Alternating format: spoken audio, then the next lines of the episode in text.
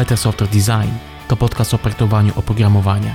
Wraz z moimi gośćmi rozmawiamy o architekturze, szczegółach implementacyjnych i wyzwaniach z tym związanych. Jeśli interesujesz się tworzeniem oprogramowania, to ten podcast jest właśnie dla Ciebie. Zapraszam na odcinek.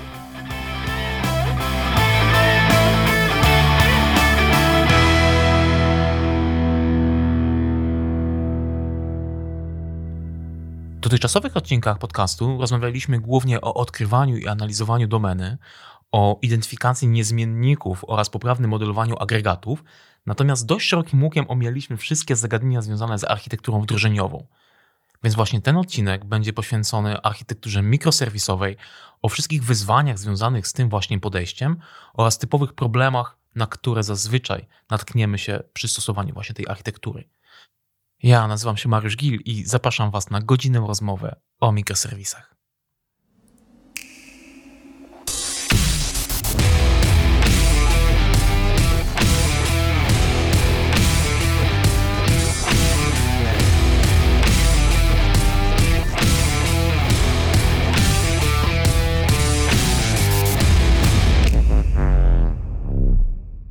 Jakiś czas temu zapytałem się Was na Instagramie i na Facebooku, kogo byście chcieli posłuchać tutaj w podcaście, i bardzo często padało nazwisko mojego dzisiejszego gościa.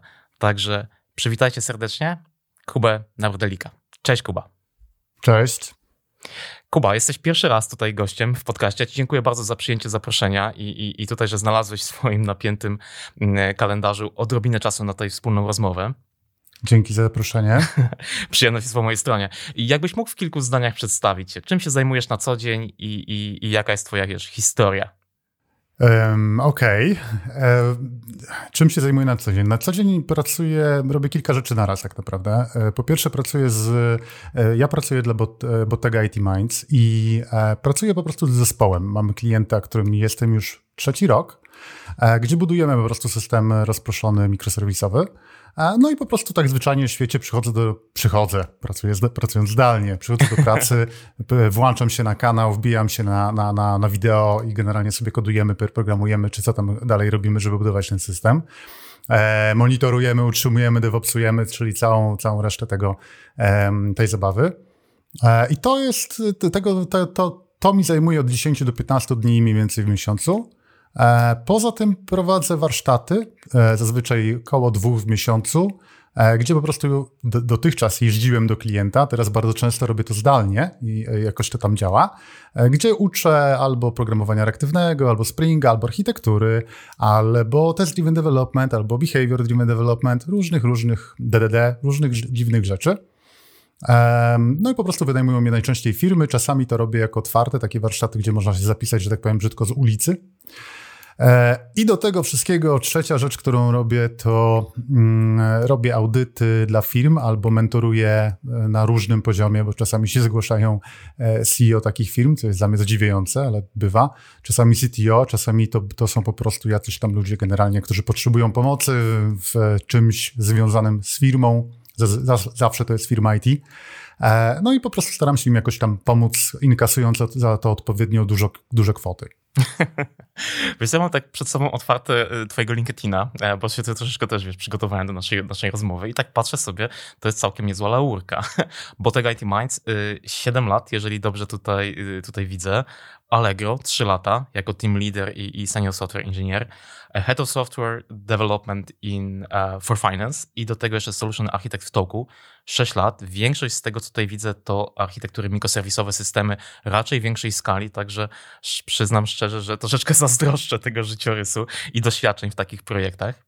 Nie ma co zazdrościć, chociaż akurat e, do, od pewnego momentu życia mogłem dobierać e, pracodawców właśnie pod względem tego, co mnie interesuje i czego chcę się nauczyć, bo na przykład nie, nie będę oszukiwał do Allegro, poszedłem zajarany po prostu tym, że, że to jest firma, która ma skalę w Polsce i którą można obserwować od wewnątrz, zwłaszcza bardzo ładnie zarówno pod względem technicznym, mikroserwisowym, 700 mikroserwisów robi swoje, jak i pod względem kulturalnym e, albo kulturowym w zasadzie e, i organizacyjnym, bo to nie jest takie proste budować w tej wielkości system, zwłaszcza w oparciu o IT w pięciu różnych miastach.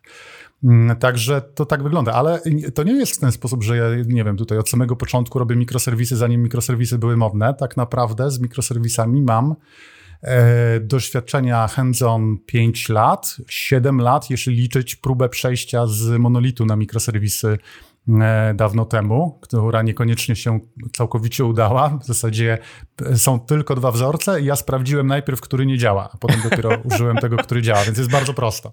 No właśnie, tu wiesz, złapałeś mnie na haczyk słowa próba, bo to, to już zawsze jak już takie hasło pada gdzieś tam w, w zdaniu, to znaczy, że tutaj jest jakaś dalsza, dalsza ciekawa historia. Ale mam nadzieję, że do tego dzisiaj w naszej rozmowie dojdziemy.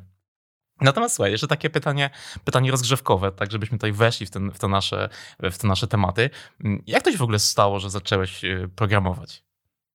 Że zacząłem programować. To jest bardzo dobre pytanie i odpowiedź jest bardzo prosta. Miałem Commodore 64, które dostałem kiedyś od rodziców i po prostu zwyczajnie w świecie przeszedłem wszystkie gry. I było smutno. Gry były na kasetach, gry były bardzo prymitywne. I po prostu z nudów, nie mając nic więcej do roboty, siedząc chyba latem, bo to były, szkoła podstawowa, głębokie średniowiecze, generalnie e, miałem takie czasopismo, które się nazywało Bajtek. Nie miałem żadnego podręcznika też.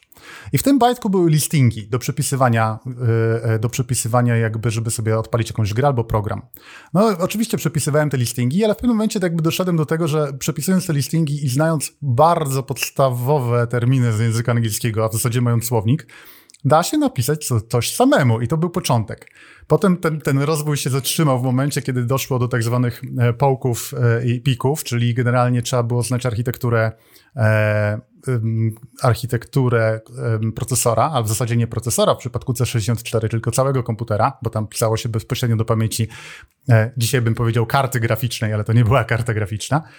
E, więc bez tego byłem, leżałem, więc mogłem sobie robić gry tekstowe, jakieś podstawowe oprogramowanie pod tytułem e, zapamiętaj, zapisz i, i, i, i przytrzymaj.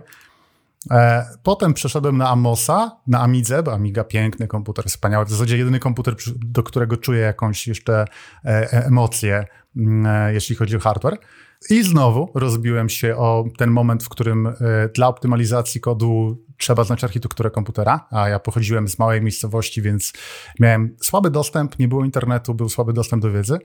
A potem po prostu już kwestia studiów, gdzie zmusił mnie tak naprawdę mój tata, ponieważ zastanawiałem się, na jakie studia pójść i miałem akurat takie szczęście, że dosyć dobrze mi szło z językiem polskim, w związku z czym miałem otwarte drzwi, jeśli chodzi o dziennikarstwo. E, zastanawiałem się nad filozofią, bo, e, bo tak po prostu lubiłem, e, i nad informatyką. I on mnie po prostu zapytał: Słuchaj, czy ty chcesz mieć kiedyś żonę?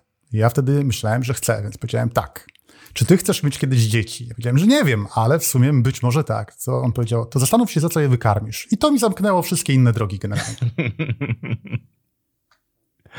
No to powiem ci, że co w tym, w tym e, tutaj to, co opisałeś, to mi teraz otworzyło gdzieś tam jakieś e, zworki w pamięci, bo, bo moją przygodę nie zaczynałem od, od Commodore, tylko od Atari. Także staliśmy, wiesz, po przeciwległych. Pamięta, pamiętasz pewnie te, te takie Oczywiście. walki, tak? Atari Commodore, tak? Atarowca, walcbutowca i takie inne, tak. że tak powiem, przyśpiewki. No to byśmy, pewnie byśmy się tam gdzieś odnaleźli. E, powiedziałeś potem Atari, Commodore i, i połki piki. No powiem ci, że, że pierwszego połka to napisałem jako cheata do gry, tak? Gdzie się, gdzie się tam... A widzisz, coś tutaj wspólnego mamy, nie? Adres komórki w pamięci 255 po przecinku i, i już miałeś troszkę więcej żyć do do przejścia gdzieś tam w jakiejś, w jakiejś, jakiejś grze. FF, FF w heksach. Oj, no, no, dokładnie. Powiedziałeś jeszcze Amiga, mm, tak. Amos, też mój kolejny komputer po, po, po Atarynce e, i, i wielka przygoda. I wtedy się chyba tak gdzieś zainteresowałem e, tymi, tymi tematami. No to myślę, że tutaj wiesz, ciekawe rzeczy można by gdzieś tutaj porozmawiać. E, powiem ci tak z ciekawości, że, że ostatnio sobie odkupiłem e, Atarynkę. Znalazłem gdzieś tam na jakimś Allegro taką zadbaną 65XE, bo to taki właśnie miałem komputerek. Także mm -hmm. ostatnio podłączyłem go do telewizora i, i, i, i sprawdzałem z pamięci, ile jeszcze z tego Atari Basica pamiętam. I wiesz co, powiem ci, że udało mi się napisać jakiś tam prościutki programik. E, to dziwny język, bo nie pamiętam jak na Commodore, bo na Commodore to nie miałem przyjemności pisać, ale na, na, na Atari, w Atari Basicu trzeba było numerować linie. Więc nie, musiałeś... tak, samo było, tak samo było w Commodore. Polecenie GoTo było podstawą tak naprawdę do przełączania się pomiędzy, dzisiaj byśmy powiedzieli, metody, funkcje, subrutyny, ale generalnie do łażenia po kodzie. Dokładnie, dokładnie tak. I, i, i się doświadczenie programisty poznawało po tym, czy numeruje linię co 1, czy co 10, czy co 100. Tak, tak jest. Doświadczony programista dla tych, którzy są za młodzi i nie wiedzą, wie, że będzie popełniał błędy i będzie chciał tutaj coś dopisać, więc nie numeruje linii 1, 2, 3, 4, tylko co najmniej 10, 20, 30, albo jeszcze jeszcze bardziej, 100, 200, 300. Dokładnie. I ostatnia rzecz, którą wspomniałeś, Bajtek. Wiesz co, ostatnio robiłem porządki w domu i, i to jest Bajtek, to jest czasopismo, od tego ja gdzieś tam też zaczynałem jakąś taką moją przygodę i pamiętałem gdzieś tam z dawnych lat, że ja kiedyś korespondowałem z nimi, jeszcze takimi, wiesz, listami, listami wysyłanymi pocztą polską i cztery takie listy z redakcji z Bajtka, jeszcze z moim tekstem gdzieś tam z, udało mi się odkopać w jakiejś szafie, więc powiem nice. ci, że sentyment, sentyment do tego czasopisma mam ogromny. No, a żeśmy, żeśmy, sobie wspominki, wspominki zrobili z odległych czasów, ale to w sumie tak fajnie, jakby zobaczyć, y, jak to gdzieś tam wszystko wyglądało, jak to się pozmieniało, bo to eksplozja, którą dzisiaj obserwujemy, to jest troszeczkę też pokłosie tamtych czasów. Może i tak, ale wydaje mi się, że jednak perspektywa na ludzi, którzy wtedy zajmowali się e, zawodowo albo profesjonalnie IT albo, albo komputerami, a dzisiaj jest jednak dramatycznie różna. W sensie mm, przede wszystkim ci ludzie wiedzieli, co robią bardzo niskopoziomowo, e, osiągające rezultaty wysokopoziomowe. Tymczasem wiedzy dzisiaj tej niskopoziomowej u ludzi, którzy programują enterprise'owe aplikacje w Javie, nie ma. I nie może być. Po prostu jest zbyt, y, stack technologiczny jest zbyt duży. No, a z drugiej strony, wiesz, tak patrząc nawet z perspektywy czasu i, i, i też możliwości tego sprzętu, nie? To, to, to w sumie całe programowanie bardzo mocno się zmieniło. Nie? Takie, takie Atari to miało 64 KB pamięci i, i jakie gry na tym ludzie pisali. Nie? Tak. Jak, wymagało to doskonałej znajomości sprzętu, architektury, żeby z tego komputera, który miał zdaje się 1 MHz, chyba tak samo jak to, to Commodore, o którym wspomniałeś, żeby wydusić, wiesz, tam ostatnie, ostatnie cykle z tego procesora, żeby ta gra jakoś tam chodziła. 64 KB pamięci. To czasami, wiesz, klasy, które my piszemy są większe. No, te mityczne ośmiotysięczniki to nawet jeszcze bardziej, nie? Tak. No tak, a dzisiaj trzeba kupić laptopa minimum 64 GB RAMu, żeby pracować z mikroserwisami, ponieważ inaczej się nie da. No właśnie, sobie takie zrobiłeś piękny pomoc do tego tematu, o którym chciałem dzisiaj z tobą porozmawiać. E, architektura mikroserwisowa, e, coś co od dłuższego czasu gdzieś tam na konferencjach, e, że tak powiem, jest bardzo mocno hypowane. Jest, czy może nawet było, bo już tak się gdzieś pojawiają takie, takie prezentacje typu From Monolith to Microservices and Back, chciałem z Tobą tam, wiesz, porozmawiać o wyzwaniach związanych z tą architekturą. Dlaczego ta architektura jest trudna, dlaczego, dlaczego ona w ogóle jest wybierana? Nie wiem, może, może zasadnie, może niezasadnie. Jakie tutaj często pojawiają się powody, a jakie powody powinny się pojawić, kiedy będziemy decydować się właśnie nad y, wyborem mm, takiej architektury. I, I wiesz, jakby na co powinniśmy zwrócić uwagę, żeby po prostu się nie sparzyć. E, no to spróbujmy to, wiesz, jakby zdekonstruować yy, od początku. Dlaczego, dlaczego ta architektura jest tak nośna? Dlaczego, dlaczego tak dużo mm, zespołów decyduje się na tą, czy też chce się zdecydować na taką właśnie architekturę? I dlaczego wiesz, jakby tutaj całe konferencje o tym powstają? Myślę, że Przede wszystkim e, ona rozwiązuje szereg problemów, e, które inaczej są bardzo uciążliwe, zwłaszcza dla deweloperów, ale też generalnie dla korporacji i dla firm, bo zacznijmy od tego, że nie każdy musi iść w mikroserwisy, zwłaszcza jeśli nie mamy skali i nie mamy liczby ludzi przede wszystkim, ani nie jesteśmy dużą firmą. Widziałem rekordzistów, gdzie e, zespół czteroosobowy w firmie czteroosobowej stworzył mikroserwisy, całe cztery. E, I to, to, nie, to nie jest dobry przykład rozproszonej architektury. Natomiast jak sobie zdamy sprawę, e, jaki problemy rozwiązują, to wtedy się robi bardzo prosto. Tak naprawdę to nie jest trudne, żeby zrozumieć, kiedy użyć której. E, I te toki, które się pojawiają na konferencjach, okej, okay, jest trochę tak, że ludzie się potrafią zachłysnąć i potem pójść w kierunku, którym nie powinni, ale zazwyczaj jednak te decyzje architektoniczne, jeśli chodzi o styl programowania, czyli systemu, który budujemy, są zbyt poważne, żeby je podejmować pochopnie. I, no i warto wtedy coś doczytać i się dowiedzieć, bo bo jeśli już mamy przejść do takich konkretów e, dotyczących tego, e, czem, kiedy warto, kiedy nie warto, albo jakie problemy generalnie rozwiązuje taka architektura, to musimy zacząć od pierwszej rzeczy pod tytułem, że to nie jest jedna architektura. Stylów architektonicznych, jeżeli chodzi o mikroserwisy albo systemy mocno rozproszone, e, jest wiele. Dwa są szalenie popularne, a trzeci jest tak naprawdę obowiązujący. Dwa szalenie popularne to jest system rozproszony synchroniczny, najczęściej na restach, i system rozproszony asynchroniczny, czasami event-driven, bo to nie jest to samo, ale generalnie można w tą stronę pójść, albo inaczej warto w tą stronę pójść, um, czyli oparty na na przykład na kawce albo na jakiejkolwiek kolejce, najfajniej persystentnej, ale niekoniecznie, um, który daje dodatkowe inne możliwości. E, no i możemy pogadać tak naprawdę, czym one się różnią, jakie są plusy, minusy, kiedy to, kiedy to warto stosować. To są dwa najpopularniejsze modele, albo inaczej style architektoniczne w mikroserwisach. I jest trzeci obowiązujący, tak naprawdę, którego wszyscy używają, czyli mieszany. Ten, gdzie mamy system rozproszony, który jest synchroniczny w pewnych miejscach, gdzie się opłaca, i asynchroniczny tam, gdzie się opłaca. To w takim razie, co powinno nami kierować, y, wiesz, żeby zdecydować się w ogóle, mm, czy my potrzebujemy takiej architektury? Bo to, że ktoś chciałby uskuteczniać CV-driven development, no to jakby zostawmy gdzieś tutaj na boku, nie? Co jest takim czynnikiem, y, co powinniśmy sprawdzić, jakby decydując się przy wyborze właśnie tej architektury? Jasne, więc zacznijmy od tego, że e, kiedy ludzie mówią o monolitach, to też mają na myśli dwa różne typy architektury, bo alternatywą dla systemu rozproszonego mikroserwisowego jest na przykład e, architektura monolityczna. Jest też na przykład Lambda, gdzie generalnie przechodzimy w, gdzie już nie mamy serwerów, ale pominimy ten temat przez chwilę, ponieważ on jest rzadko, rzadko ekonomiczny.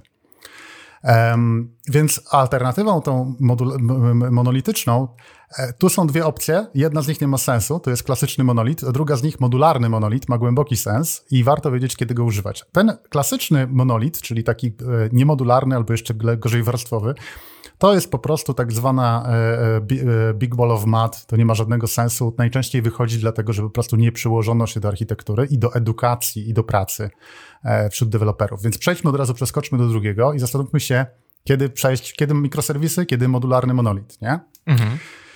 Więc tak, zacznijmy od tego. Jeśli chodzi o modularny monolit, to problemy, które się pojawiają i które znikają przy mikroserwisach, um, są różne. Pierwsze, które często ludzie podają, to jest to, że można skalować w mikroserwisach poszczególne moduły, te, te, które odpowiadają, poszczególne mikroserwisy, które odpowiadają modułom tego monolitu. Ale to jest tak naprawdę trochę nieprawda, e, dlatego że mało kogo to obchodzi, to raz. Dwa, są przykłady w świecie takie jak na przykład Facebook, które ma, miały bardzo duży monolit, który po prostu jak trzeba było skalować, to się brało i włączało feature flagami jeden feature i wyłączało całą resztę. I jedyny koszt takiego rozwiązania i, i, i instalowało razy 10 tysięcy serwerów, no problem. Jedyny koszt takiego e, rozwiązania w stosunku do mikroserwisów to jest RAM, który okazuje się nie jest taki drogi. E, prawdziwe powody, dla których taki modularny monolit cierpi i trzeba przejść na mikroserwisy, są trochę inne. Pierwszy podstawowy jest taki. Jeśli mamy, e, jeśli nasz biznes nie jest w stanie poradzić sobie albo nie akceptuje dużego ryzyka wdrożenia, to nie możemy iść w monolit. Co to znaczy? E, budując dużą aplikację monolityczną, mając 50 osób, 100 osób, 200 osób, okay? E, praktycznie zawsze deploy kończy się w ten sposób, albo inaczej podejście do continuous integration kończy się w ten sposób, że deploy to jest wielkie święto. Ja do dzisiaj dostaję maile z takich firm, które, gdzie kiedyś pomagałem, pracowałem, cokolwiek i do dzisiaj przy, przychodzą do mnie maile z zaproszeniem na, do kalendarza na święto pod tytułem dzisiaj idzie deployment, uwaga. Potem idzie kolejny mail pod tytułem E, uwaga, bechaty nie przychodzą, czyli testy behawioralne nie przychodzą, co oznacza wszystkie ręce na pokład, naprawiamy co się da. Potem przychodzi kolejny mail, potem przychodzi mail pod tytułem, no nie dzisiaj się nie udało niestety wdrożyć, bo coś wybuchło.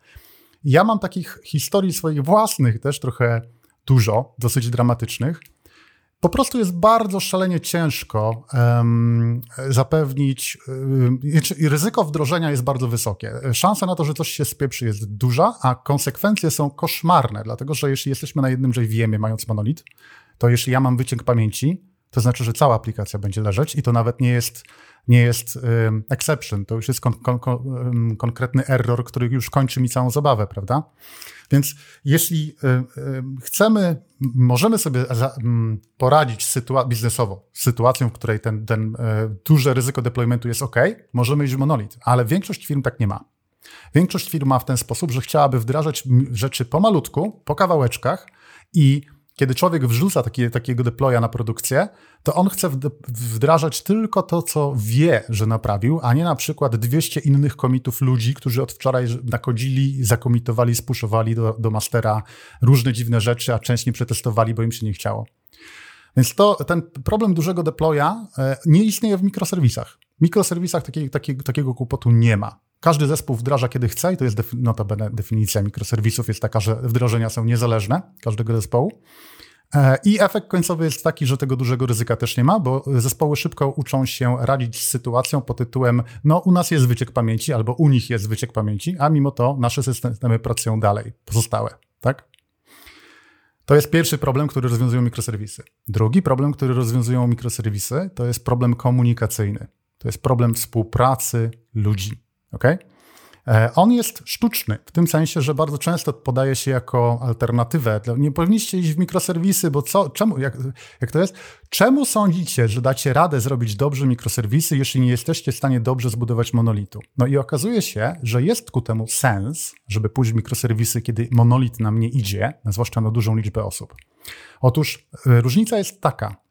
W przypadku monolitu wpływamy na siebie bardzo mocno, ok? Jeśli wyściesz mi wszystkie połączenia do bazy danych, to ja nie mam połączeń do bazy danych. Okay?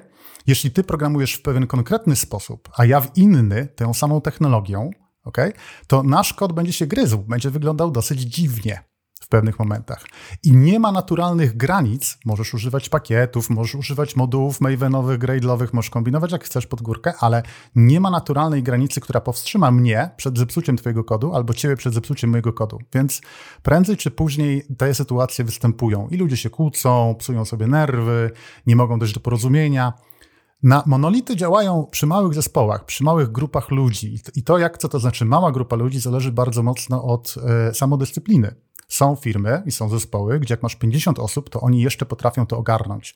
A są takie firmy, gdzie jak masz dwa zespoły, to już nie masz żadnej szansy na współpracę sensowną.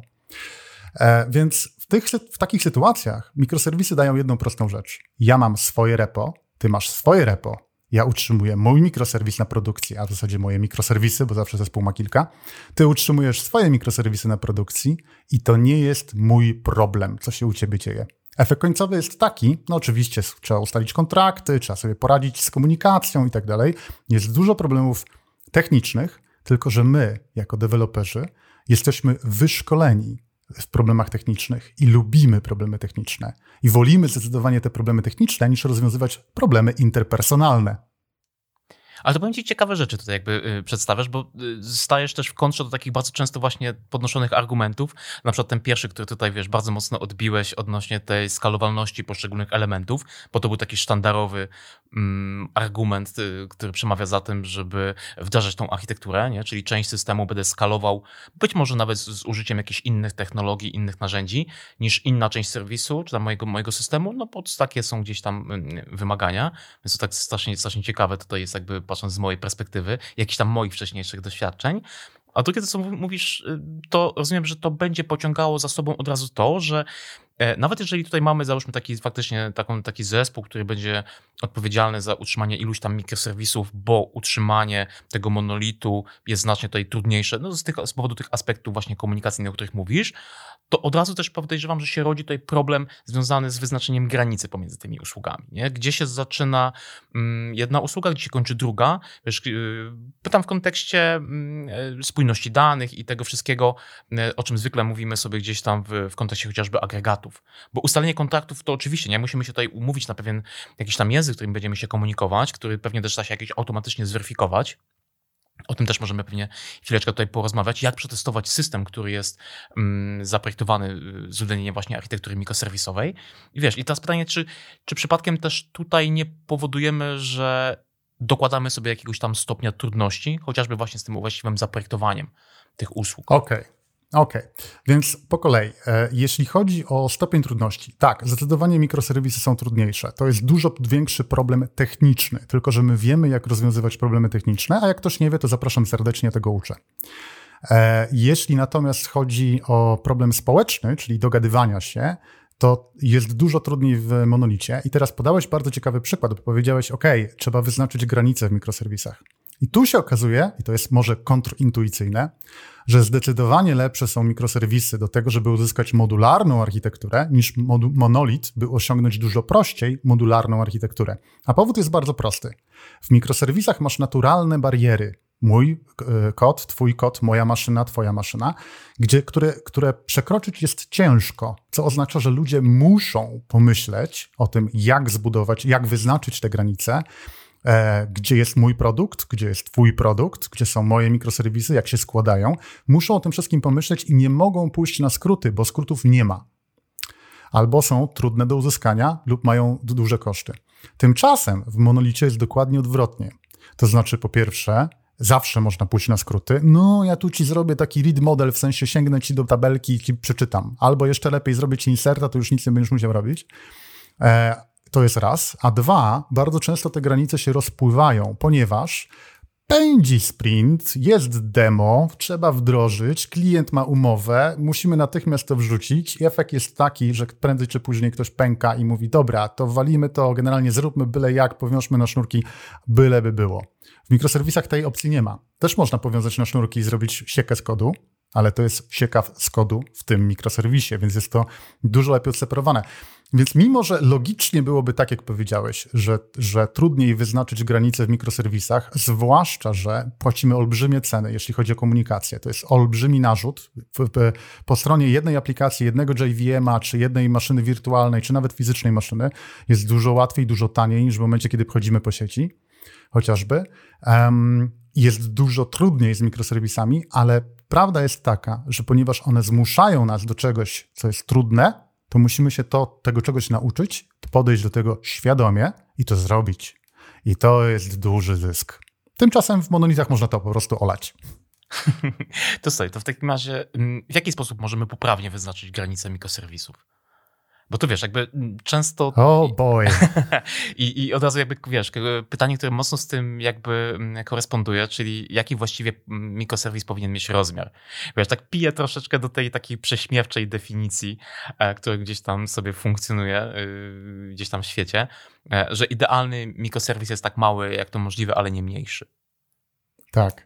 E, no więc tak, jeśli chodzi o wyznaczanie granic, to, to temat jest szeroki, bardzo, dlatego że jeśli mamy sobie podzielić taką, taką, powiedzmy, tworzymy nową architekturę jakie będziemy mieli tam mikroserwisy, jakie będziemy mieli produkty, bo to jeszcze trzeba o tym myśleć, że najwygodniej jest pracować w ten sposób, kiedy każdy zespół, który ma wiele mikroserwisów, posiada własny produkt, czyli robi coś, co da się, tak jak trochę Amazon e, od samego początku e, no, projektował, nie tak, Jeff Bezos generalnie wymusił na Amazonie, może w ten sposób, że, że jest to produkt niezależny i sprzedawalny. A niekoniecznie chodzi o sprzedawalność, ale chodzi o sposób myślenia, o to, kim jest product owner, że jest przypisany do zespołu, że product ownerzy się komunikują.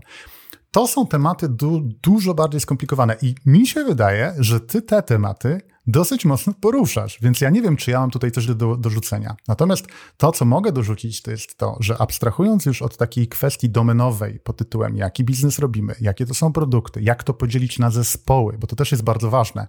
Nie można robić mikroserwisów w oderwaniu od zespołów. Mm, mamy sporo doświadczenia, które pokazuje, Microsoft robił piękne badanie na ten temat, ok? Ale mamy sporo doświadczenia, które pokazuje, że de facto y, y, kluczowe jest określenie zespołów i to jest to samo co określenie produktów i nie można się przed tym migać. Trzeba to zrobić świadomie i to dopiero definiuje resztę architektury de facto, ok? Czyli te wszystkie rzeczy typu bounded context, typu domena i typu zespoły, to jest wszystko ze sobą powiązane i wiemy to od, od, od czasu przynajmniej Conway's Law. Więc to jest wszystko starość. Co mogę dorzucić natomiast, to to, że to nie wystarczy. Jeśli ktoś myśli, a znam takich ludzi, e, że wystarczy zrozumieć biznes, e, zrozumieć na czym polegają e, ograniczenia, co można kupić, czego nie można kupić, co jest kluczowe dla firmy, co jest kluczowe, tak core domain, prawda? Jeśli znamy wzorce integracyjne tych poszczególnych, poszczególnych domen albo poszczególnych bounded kontekstów, jeśli to wszystko sobie pięknie, ładnie rozrysujemy, jeszcze dorzucimy do tego zespoły, to to już nam wystarczy i to są nasze mikroserwisy. A tu się okazuje, że nie. Dlatego, że mikroserwisy to jest też problem przede wszystkim techniczny. Co to oznacza? To oznacza, że od nas zależy, zazwyczaj już w ramach jakiegoś zespołu, który projektuje swoje mikroserwisy, jak będziemy to budować, czy będziemy korzystać z read modeli, czy nasz model będzie, czy komunikacja będzie asynchroniczna, bo tak jest bezpieczniej, czy będzie, as, czy będzie as, asynchroniczna, czy będzie synchroniczna, dlatego że tak jest taniej na przykład, e, albo prościej, e, albo taniej w utrzymaniu. E, to te wszystkie decyzje, albo na przykład kwestia wdrożenia, to też jest ważna rzecz, kwestia zapewnienia SLA. Czasami dzielę mikroserwisy, wydzielam mikroserwisy w architekturze tylko po to, żeby zapewnić wysokie SLA w rzeczach, gdzie jest łatwo zapewnić wysokie SLA, albo inaczej. Jest taki fenomen, i to jest badanie Microsoftu. On jest bardzo prosty i wszyscy, wszyscy to do, ro, szybko rozumieją. Jeśli posiadasz mikroserwis albo kawał kodu, który się często zmienia, to jest bardzo duże prawdopodobieństwo, że będą tam bugi. Jeśli posiadasz kawał kodu, który się rzadko zmienia, to nieważne jak dziadowsko jest napisany, jest duża szansa, że jeśli się w ogóle przestanie zmieniać, to prędzej czy, czy później wszystkie bugi zostaną wykryte i naprawione. Ok? Efekt końcowy jest taki: jeśli masz system, który ma SLA. I co to znaczy SLA? SLA się definiuje per ścieżkę, tak naprawdę funkcjonalność, ścieżkę użytkownika. Jeśli masz system, gdzie są różne interakcje użytkownika i dla różnych interakcji potrzebne jest inne SLA, niektóre mają wyższe, niektóre mają mniejsze, to tam, gdzie potrzebujesz mieć wysokie SLA i jednocześnie jest dużo zmian, e, projektujesz i myślisz o tym, że to, tu biznes będzie się zmieniał, tam będziesz miał rzeź i tam musisz zastanowić się nad tym, czy na przykład nie użyć read modelu, czy nie podzielić to na większą liczbę mikroserwisów, po to, żeby ten, ten fragment, który odpowiada tylko i wyłącznie za dotarcie użytkownika, za tą jego podstawową ścieżkę, tę część, którą chcesz zapewnić wysokie SLA, żeby ten fragment miał mało zmian stosunkowo, a tam, gdzie masz dużo zmian drobnych, żebyś mógł wdrażać i się nie przejmować, że coś nie działa przez 10 minut na produkcji, bo akurat padło i tyle. Także tu jest, tu jest bardzo dużo decyzji, jeśli chodzi o określenie, e, jakie mikroserwisy będziemy mieć i gdzie są ich granice, które dotyczą domeny, organizacji, ale też takich rzeczy technicznych, czyste, właśnie jak na przykład SLA, jak wydajność, mas, jak, jak kwestia kosztów utrzymania. Jest tego bardzo, bardzo dużo. Ja mam trzydniowe warsztaty, które prowadzę, notabene w środę, czwartek, piątek właśnie będę je prowadził, na których uczę tych rzeczy e, i widzę, jak ci ludzie się rozwijają. Na samym początku wszyscy mają problemy pod tytułem, jak oznaczyć moduły. To najpierw się uczą moduły w monolicie. Super, już umiemy moduły w monolicie. Próbują zrobić mikroserwisy dokładnie w ten sam sposób i okazuje się, że to jest droga przez mękę, nie ma sensu. Okay? Uczą się architektury synchronicznej, ok, to już umiemy to zrobić synchronicznie, uczą się asynchronicznej i widzą, że w synchronicznej pewne części systemu są trudniejsze do zrobienia, w asynchronicznej inne części systemu są trudniejsze do zrobienia. Efekt końcowy jest taki, że docierają do architektury mieszanej, gdzie jest część systemu asynchroniczna, część synchroniczna, wszystko rozproszone. I jakby odkrywają po, po kolei wszystkie te powody, e, dla których należy wydzielić takie, a nie inne mikroserwisy w danym przypadku, tylko to trwa trzy dni.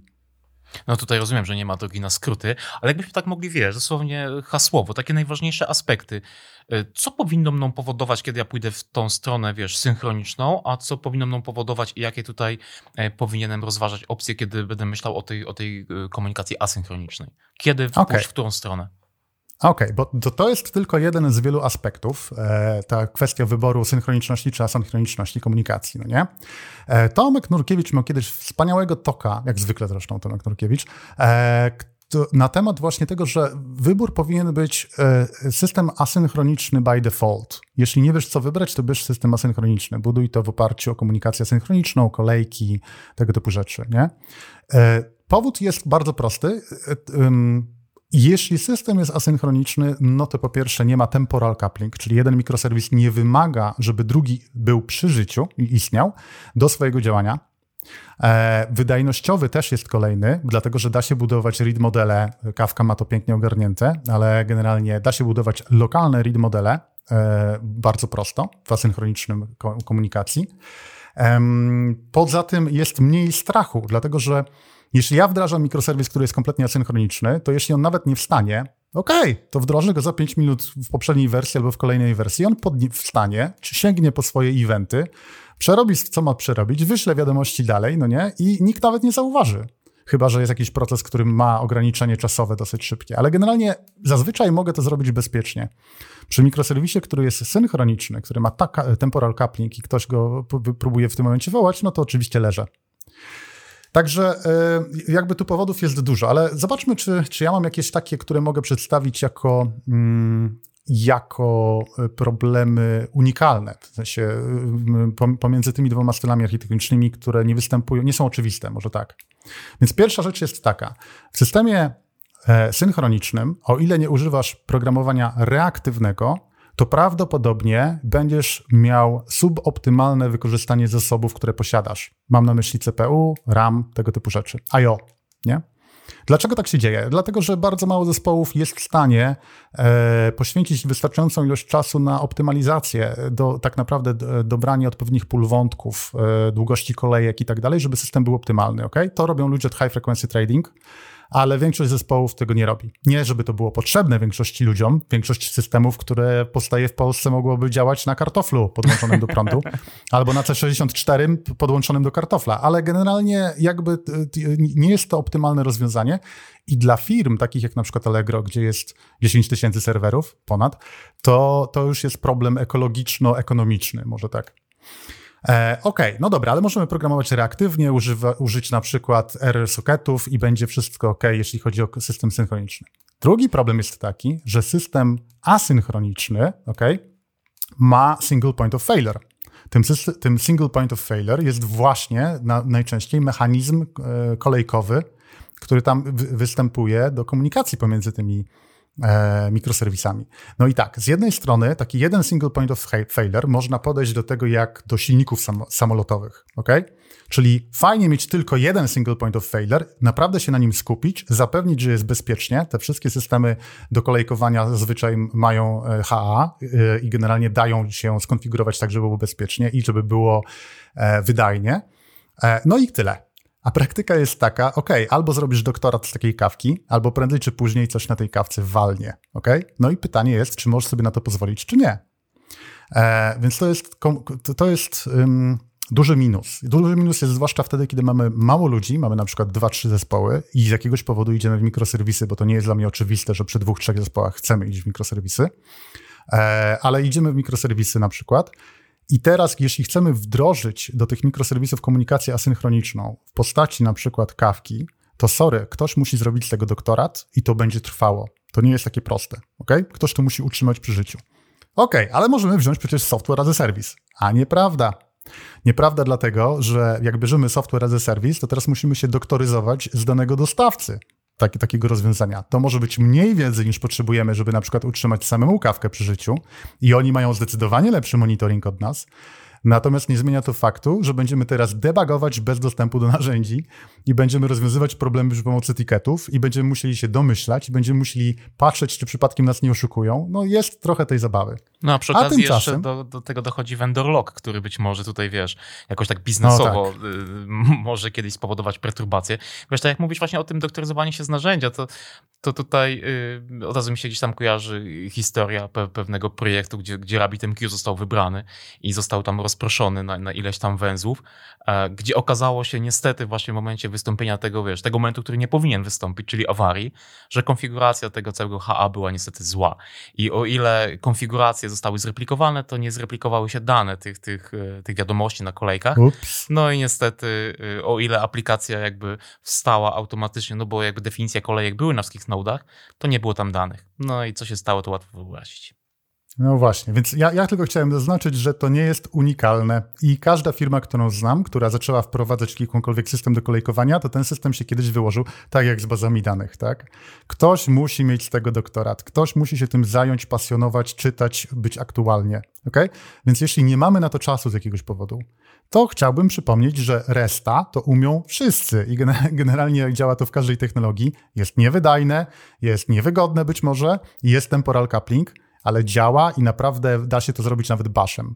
E, także spokojnie, są, są po prostu zalety do tego, żeby pójść w komunikację synchroniczną.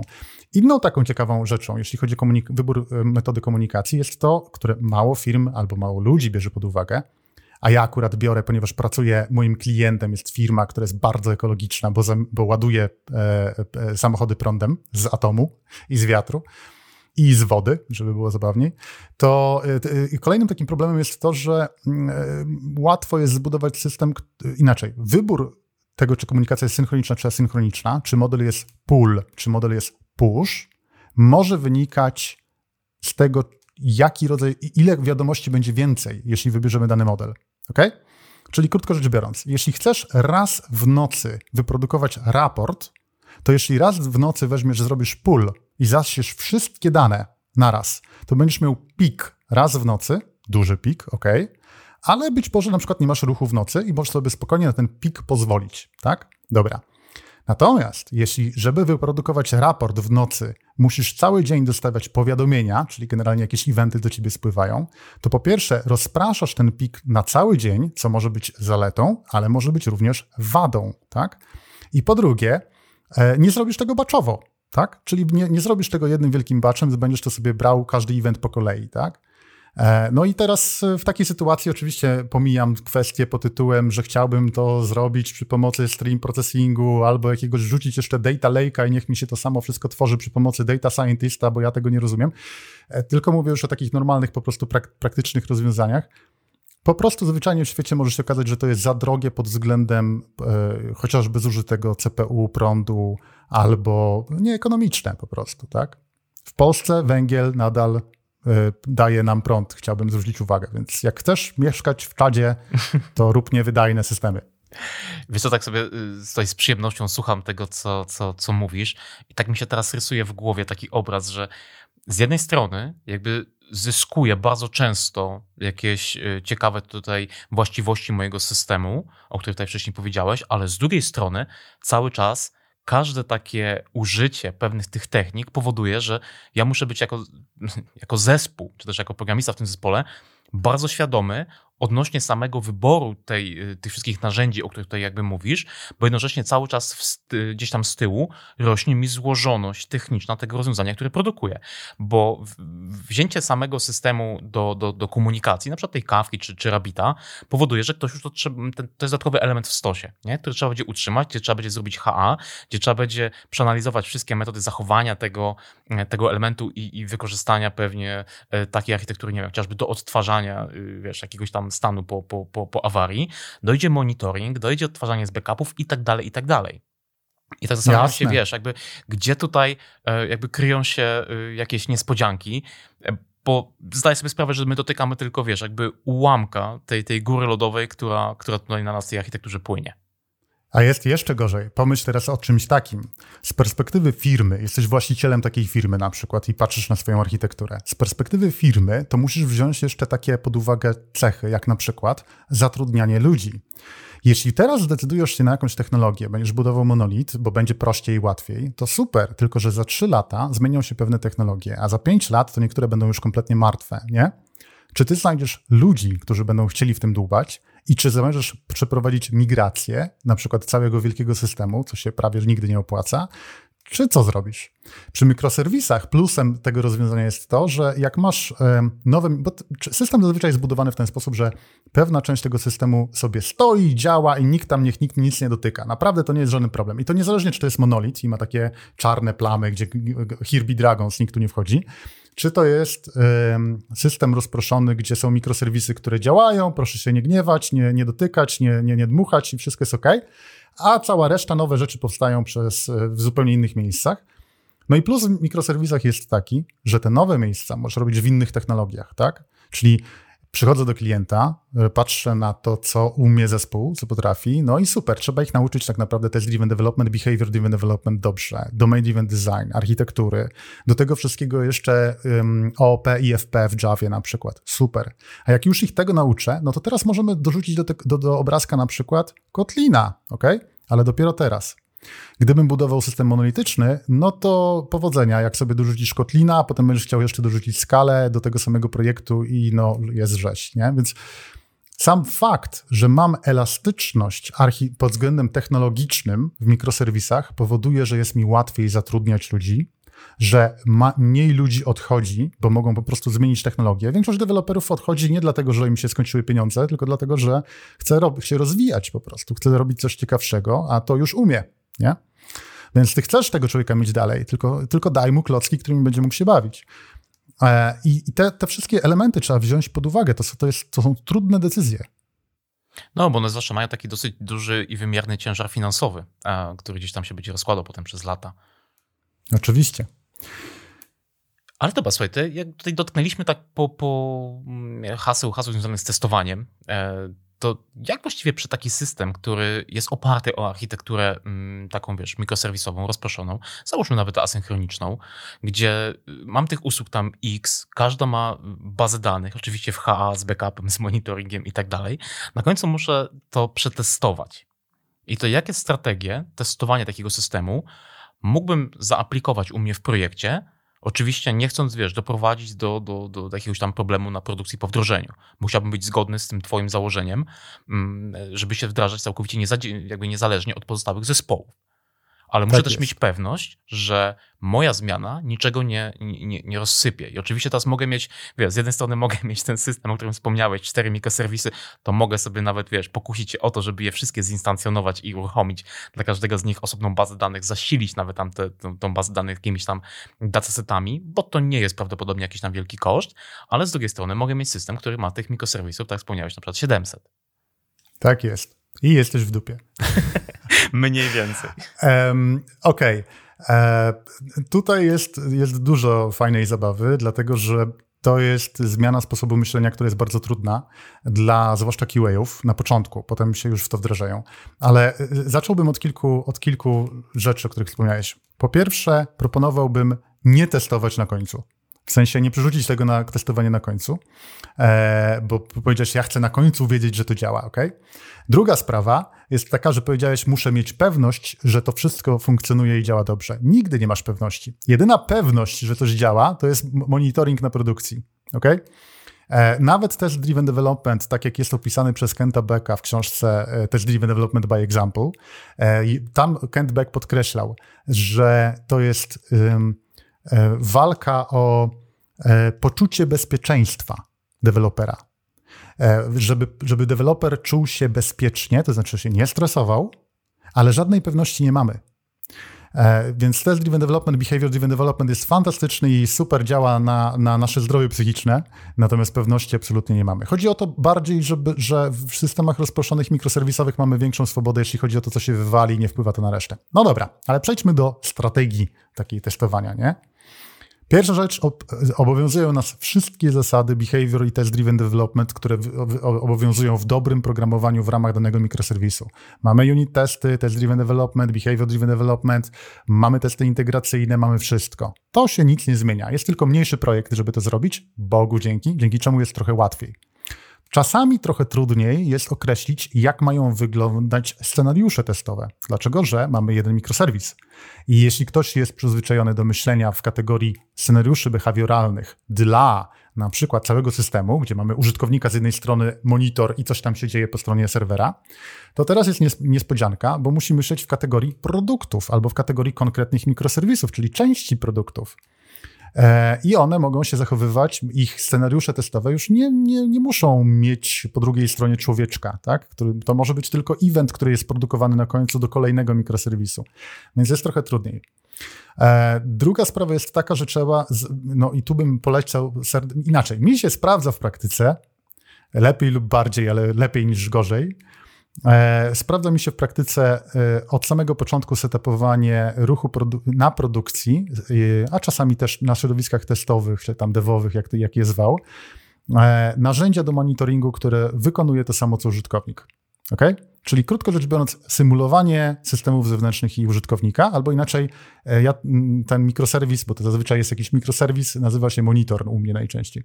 To mi się fantastycznie sprawdza, bo ja po prostu wrzucając taki kod na produkcję, zanim zobaczę jeszcze prawdziwego użytkownika, to ja widzę, czy on hula, czy nie hula. Jak wchodzę na środowisko devowe, to też często potrafię zobaczyć, czy on hula, czy nie hula, ale tu jest ważna uwaga. Nie należy oczekiwać, że środowisko devowe lub testowe, ile byśmy ich tam nie mieli, będzie identyczne z produkcją. E, to kompletnie jest nierealne do zrobienia przy 700 mikroserwisach, a tak naprawdę jest nie do zrobienia przy, przy dużo mniejszej liczbie mikroserwisów. I trzeba po prostu zaakceptować, że ja będę miał kontrakty z innymi zespołami. Powiedzmy, że mój, mikro, mój, zespół, mój zespół aktualnie ma 9 mikroserwisów e, na, e, na produkcji, więc ja będę testował te 9 mikroserwisów i kontrakty pomiędzy zewnętrznymi usługami i będę, jeśli odbieram eventy z kawki, to będę symulował eventy na kawce, czyli wysyłał i patrzył. Jeśli e, one, moje mikroserwisy coś wysyłają, to będę to odbierał. Oczywiście zaślepię sobie użytkownika i zrobię sobie taki monitoring, żeby po prostu przejść przez case'y użytkownika produkcyjnie, już na produkcji. Możesz na to odpalać na swoim środowisku e, nieprodukcyjnym, ale wtedy pamiętajmy, że nie możemy oczekiwać, że wszystkie inne rzeczy dookoła stoją. Ja mam system, który ładuje prądem samochody. Jakby go tak chcieć przetestować end-to-end, to ja muszę mieć stację i okazuje się, że jeden z moich kolegów akurat ma w domu stację do ładowania, bo dostał i musiał ją e, coś tam generalnie pokombinować, ale tylko jeden na tam 70 osób, nie, przepraszam, 300 osób w, w firmie. I do tego jeszcze musiałbym mieć Tesla, no bo co ja innego będę ładował jak nie Tesla, nie? Ale myślę, że tutaj wiesz, nie miałbyś nic przeciwko takiemu stanu rzeczy. Z, przym, z przymrużeniem oka, oczywiście. Po, po, powiem ci, że jak pojechałem do Amsterdamu, ponieważ oczywiście klient chciał mi pokazać te wszystkie ładowarki, skoro nimi się zajmuje i Tesla, i da, chciał mi dać pojeździć, to wsiadłem do tej Tesli, ale już pojeździć w sensie za kierownicą nie chciałem. Stwierdziłem, że ja się zabiję tą Teslą za, za chwilę. Za duże przyspieszenie. No tak, to jest auto, które, które ma tam kopa, chociaż nie jest to samo, co wiesz, tam V8 bulgoczące pod maską. Spoko, ja mam kiję. Słuchaj, ja w ogóle nie jestem samochodowy. Ja, ja spędzam rocznie 40 godzin w samochodzie. On to liczy i ma zegarek i pokazuje mi 40 godzin w samochodzie rocznie. To jest naprawdę bardzo mało. To jest jakby tutaj to, co właśnie teraz jakby sobie rozmawiamy odno, odnośnie tego testowania, kolejna jakby taka warstwa jakby skomplikowania tego wszystkiego. Oczywiście wiadomo, że muszę myśleć e, najlepiej od samego początku o tym, jak to testować i te, tutaj te twoje mm, hinty, podpowiedzi są mega, mega wartościowe. I tak sobie wiesz, z, z, układam dalej jakby ten obraz y, tej, tego całego mm, jakby świata w głowie, zastanawiam się, to dlaczego to wszystko nie wychodzi? Bo z jednej strony oczywiście to, co tutaj jakby sobie rozmawiamy, e, czyli wszystkie te aspekty techniczne, to nie jest, y, że tak powiem, wiesz, rocket science. Dobra, to są rzeczy zaawansowane, ale to, to nie są rakiety, które gdzieś tam latają w kosmos. Da się tego nauczyć. No to pytanie od razu się rodzi takie, no to czemu to nie wychodzi? Moim zdaniem z dwóch podstawowych powodów. Po pierwsze, mówisz, że to nie jest rocket science, a i owszem, jeśli robisz mikroserwisy od 10 lat albo systemy rozproszone, może w ten sposób, bo wcześniej to się inaczej nazywało, to okej, okay, w porządku. Jeśli robisz od 20 lat, super, tak? Tylko, że tak nie wyglądają nasze zespoły.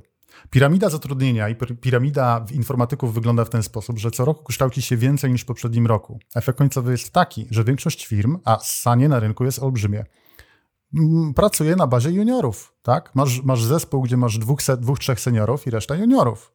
Efekt końcowy jest taki, że to się da zepsuć w bardzo wielu miejscach, jeśli nie masz doświadczenia. I jest to łatwe do zepsucia, bo jeszcze walczymy z technologiami, bibliotekami, narzędziami, dostawcami, platformami i całą resztą syfu, nie?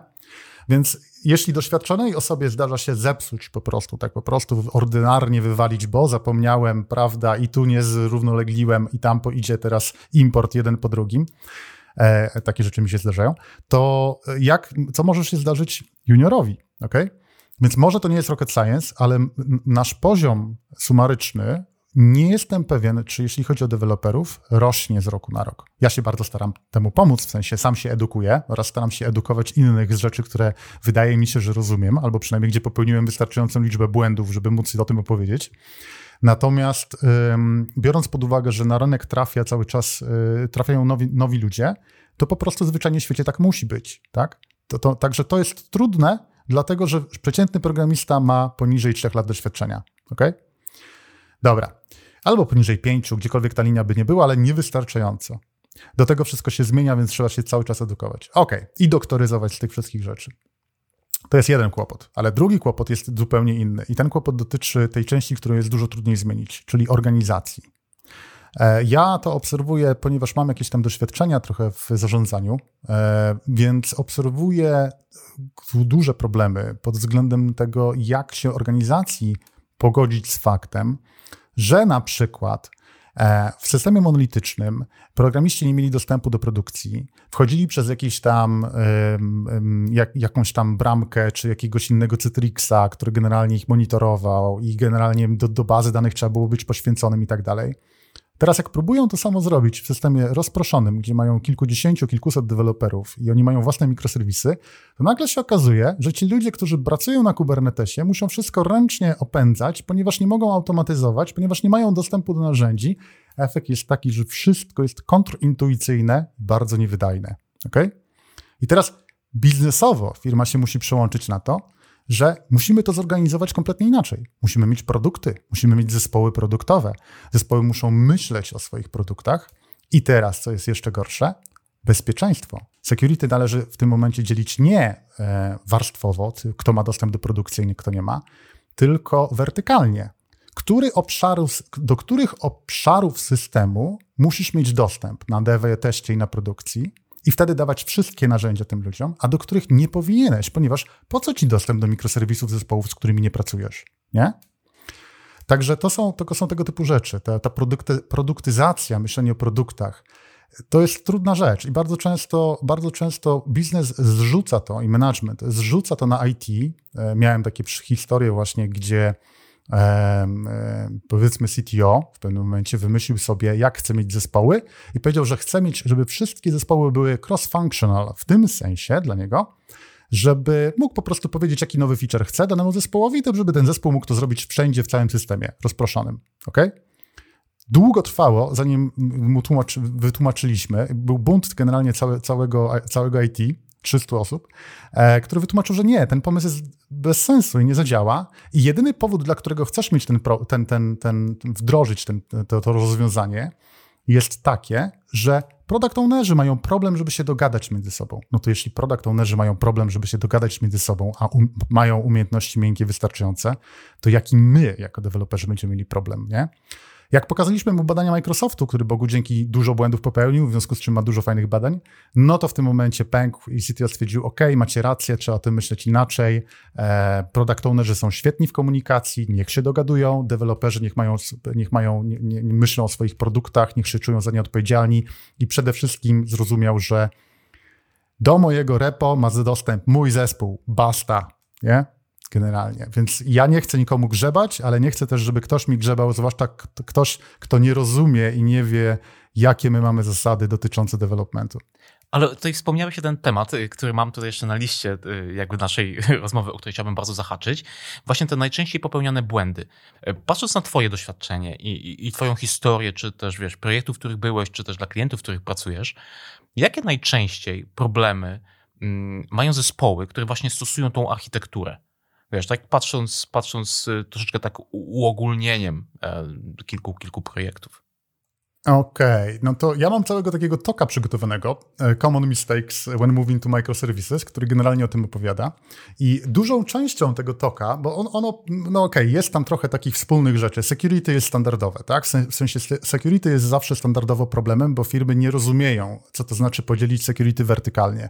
Co znaczy zbudować system, który tak naprawdę składa się z N systemów, gdzie komunikacja pomiędzy nimi jest ściśle kontrolowana i efekt jest taki, że ja nie mogę zepsuć reszty systemu. Mogę zepsuć swój system albo swoją fragment, ale nie cały. Mm, także to jest klasyka, tak?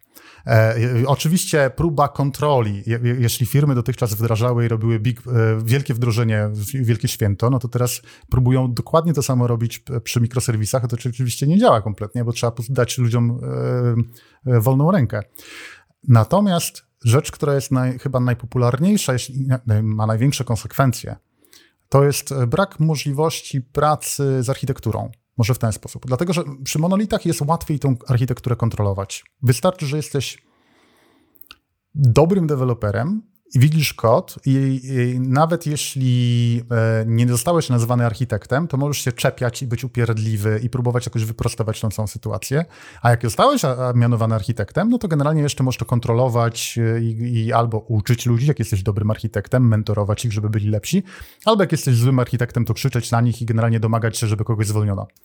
E, natomiast w systemie rozproszonym taki człowiek już po prostu nie widzi tych wszystkich zmian. Nie ma żadnej szansy zaobserwować, w którą stronę system ewoluuje, ponieważ nie masz Nie widzisz nawet, nawet jeśli masz dostęp do wszystkich repozytoriów, to nie widzisz, co się dzieje. One za szybko powstają i za szybko się zmieniają. W związku z czym e, podejście do, architekt, do, do architektury i do współpracy, zwłaszcza w dużej grupie, i mówię tutaj właśnie 50, 100, 200, 700 osób, to jest dużo trudniejszy temat. E, dużo trudniej jest projektować takie systemy.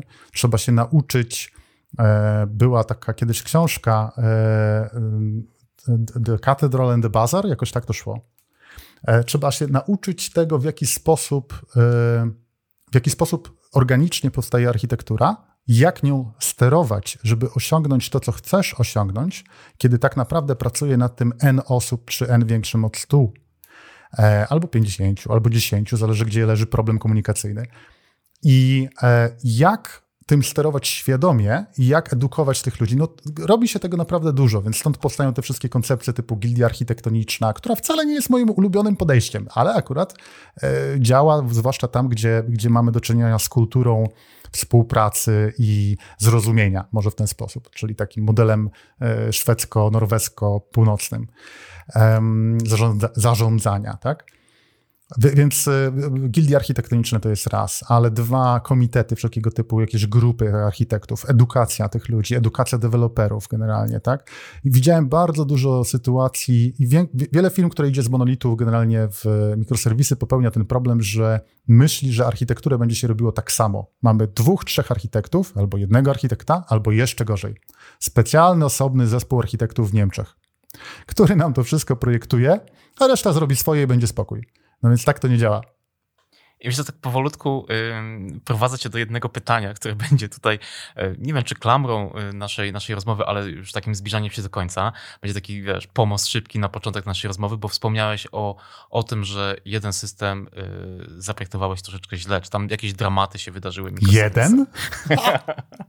Słuchaj, ja, cała moja kariera to jest nauka na błędy. Ja popełniam błędy i mówię ludziom, jakie błędy popełniłem. To no jest, tak, bo po, tym, po tym można poznać się eksperta, tak, że jakby wszystkie błędy, o których mówi, to popełni na własnej skórze. Ale twoje takie, naj... twoje, już nie, nie, nie, nie z projektów, w których uczestniczyłeś, ale twoje takie największe pomyłki i błędy przy stosowaniu właśnie takiej architektury, jeżeli mógłbyś się tutaj z nami podzielić. Przy mikroserwisach. Mhm. Okej. Okay. E, pierwsze, okej, okay, to jest tak. Ja jestem bardzo zachowawczy. E, w sensie nie jestem bleeding edge. Czasami jadę na, na, na, na rzeczach, które są, e, które są na granicy, w sensie zdarzyło mi się wrzucać release candidate na, na, albo milestone nawet na produkcję, e, jeśli chodzi o biblioteki i tego typu rzeczy. Natomiast staram się bardzo, żeby, ze względu na swoje doświadczenia, żeby deweloperzy, z którymi pracuję, w przypadku, w którym bym zniknął, dalej sobie poradzili, żeby nie być przypadkiem tą osobą, która o, ten to wiedział, co to ma być, a, a potem bach, nie? Bo byłem w takiej sytuacji, gdzie właśnie mój mentor zniknął i nagle się okazało, że całe, cała firma sobie bez tego mentora do końca poradzić nie umie.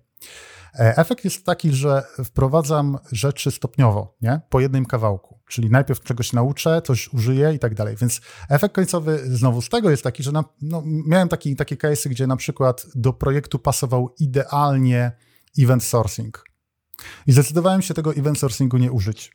Dlatego, że musiałem nauczyć y, zespół tylu rzeczy i sam siebie też nauczyć w firmie tylu różnych nowych rzeczy, że event sourcing skomplikowałby nam sytuację zdecydowanie ponad miarę. No nie? Teraz na przykład pracuję z zespołem, w którym właśnie użyłem event sourcingu, ponieważ ten zespół jakby za każdym razem dodajesz jakiś nowy klocek do nowego mikroserwisu, żeby właśnie ludzie się uczyli, żeby coś wiedzieli, ale ten klocek, który oczywiście pasuje do danego problemu. Więc e, mi się zdarzyło po prostu nie wdrażać nowych rozwiązań, które bardzo dobrze pasowały do projektu, dlatego że bałem się, że nie będę w stanie przekazać albo upewnić się, że będzie to wystarczająco dobrze zrobione. I dzisiaj żałuję, tak? E, ponieważ te projekty czasami żyją e, no, zdecydowanie dłużej niż powinny. Są pewne banki, które stoją gdzieś w Afryce, które, które, w których maczałem palce i jestem do dzisiaj zdumiony, że to nadal funkcjonuje. e, zwłaszcza biorąc pod uwagę, jak to zrobiłem i ile błędów popełniłem. E, więc e, jak, jak, patrzę z tej perspektywy, no to, to, trochę mi szkoda, że właśnie ci ludzie tam, którzy pracują gdzieś, nie, nie użyli tego i tego, nie, nie, ma, nie mają do dostępu do tego i tego. I też mi szkoda oczywiście z własnej perspektywy. Ja na przykład od jakichś ja wiem, 10 lat chciałem użyć frameworka akka.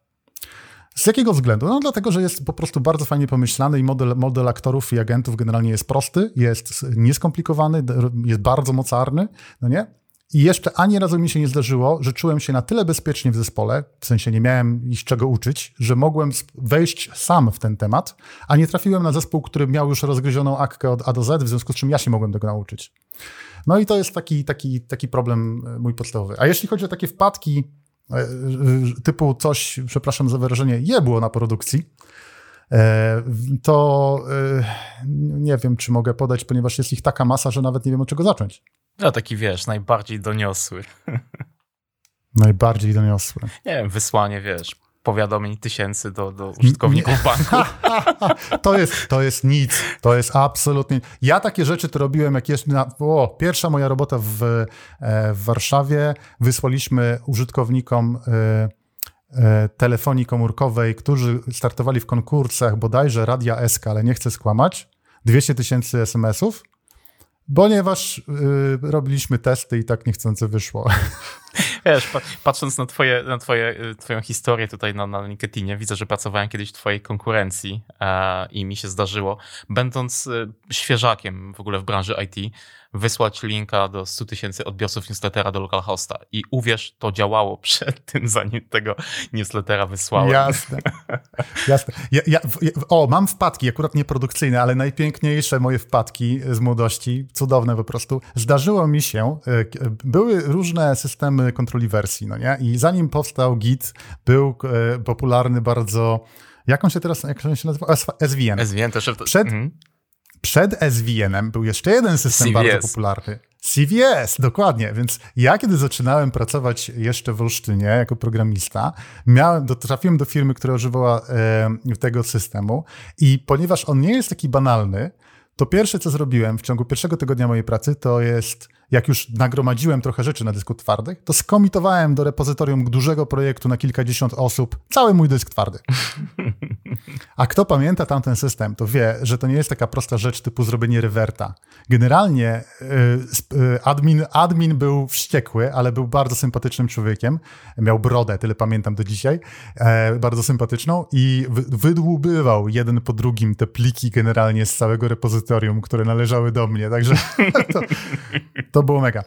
A oczywiście z produkcyjnych wpadek, no to oczywiście piątek wieczór, wdrożenie i co? Kuba wrzuca ręcznie, ponieważ to takie były czasy i tyle umiałem, wrzuca ręcznie zmiany produkcyjne na bazę danych produkcyjną. No i co? Kuba wrzucił zmiany produkcyjne, oczywiście wszystko jest w skryptach, ale nie było takich narzędzi typu Liquid Base czy Flyway, które to robiły za nas i mogliśmy to przetestować, więc wrzucamy to na bazę produkcyjną, ale Bogu dzięki wszystko działa, bo ja zrobiłem najpierw wszystkie te zmiany wprowadzam na bazie testowej, czyli mam bazę testową, odpalam tam wszystkie skrypty, potem jak to działa, to odpalam te skrypty e, na bazie produkcyjnej. Następnie kasuję bazę testową, a przynajmniej tak mi się wydawało, i wychodzę do domu. I jakie moje y, zdziwienie, kiedy okazało się, że skasowałem bazę, ale nie testową, tylko produkcyjną i trzeba teraz wszystko odzyskiwać, nie? Piątek wieczór, super.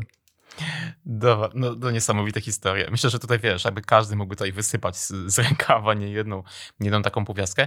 Ale słuchaj, ostatnie, ostatnie pytanie już tak na koniec. Mm, patrząc też na twoje doświadczenie, y, co byś poradził osobom, mm, które myślą o wejściu w tą architekturę? Czyli wiesz, takie twoje, nie wiem, trzy, cztery porady, co powinien, nie wiem, może ktoś coś przeczytać, może ktoś coś powinien rozważyć, zanim się faktycznie zdecyduje, wiesz, postawić pierwszy serwis w swojej aplikacji. E, jasne, więc co ja bym tak naprawdę radził? Przede wszystkim trzeba wykonać trochę researchu i poczytać książki. I książką, książkę, którą ja bardzo mm, polecam e, generalnie, uważam, że jest świetna, e, to jest bodajże Event Driven Architecture Bena Stepforda, o ile muszę sprawdzić. Na pewno tutaj podlinkuję wszystkie te książki, o których wspomniałeś, tak. bo i łącznie z tą prezentacją twoją. Tak, więc Event Driven Architecture y, to jest książka tak naprawdę człowieka, który pracuje dla Confluenta, więc to jest Kafka i wszystko tam jest oparte o Kawkę. Ale uwaga, wzorce, które tam są w tej Kawce, typu read modele i tak dalej, one tak naprawdę można, można je implementować, ja je implementowałem niezależnie od e, tego, jakiego message brokera używasz. ok? Więc warto tą książkę przeczytać, żeby się orientować, co jest, ale żeby zobaczyć przede wszystkim rozwiązania. I książka jest napisana bardzo uczciwie, mimo że przez autora jednego z tych narzędzi. E, więc on tam pokazuje właśnie na przykład to, że w większości firm jednak dąży się do tego, żeby mieć rozpro, e, architekturę mieszaną, bo dlatego, że to się po prostu ekonomicznie opłaca. E, To polecam serdecznie, bo to otwiera oczy na rozwiązania problemów, na, na, na dużo różnych rzeczy, które trzeba wiedzieć y, w tą stronę wchodząc. To to jest pierwsza rzecz. Tego bym, to bym bardzo mocno mm, proponował. Druga rzecz to jest niestety trzeba się nauczyć modularyzować, e, określić te bounded konteksty, no i tutaj domain driven design. I tutaj jest trochę bidnie, dlatego że jest sporo książek, zaczynając od Erika Evansa, Domain Driven Design, które niestety nie są lekkie, nie są łatwe, to nie jest proste. Tutaj trzeba po prostu wypracować pewne doświadczenie. Szczerze mówiąc, e, są takie rzeczy, gdzie wystarczy ci wiedza i wnioskowanie logiczne, a są takie rzeczy, które, gdzie potrzebujesz wnioskować poza świadomie, czyli generalnie wykorzystywać cały swój mózg, a nie tylko tą część świadomą. Efekt końcowy jest taki, że tam doświadczenie jest super kluczowe, bo ty nie potrafisz powiedzieć dlaczego, ale potrafisz pokazać i wtedy wszyscy wiedzą, że to jest lepsze. Ale na początku, kiedy o tym myślisz, to nie, nie, nie wiesz czemu, tylko czujesz, nie? I to, to wiem, takie tłumaczenie, czuć, czuje, magia, horoskopy, prawda, i tutaj rozmawiamy o informatyce. Nie, nie. To jest kwestia po prostu procesowania współbieżnego mózgu, który sobie radzi z problemami szybciej niż świadomość jest w stanie je sobie zwizualizować, krótko rzecz biorąc. E, więc polecam niestety... trochę trzeba po prostu popełnić błędów. Wydaje mi się, że generalnie w architekturze to jest tak, że trzeba po prostu przejść, swoje zepsuć. I wtedy mamy już dos doskonałą wiedzę na ten temat, czego nie robić źle. I ostatnia rzecz, którą bym polecił, jeśli chodzi o architekturę, to jest jednak otworzyć się bardzo mocno na dyskusję, czy w zespole, czy w całej firmie generalnie.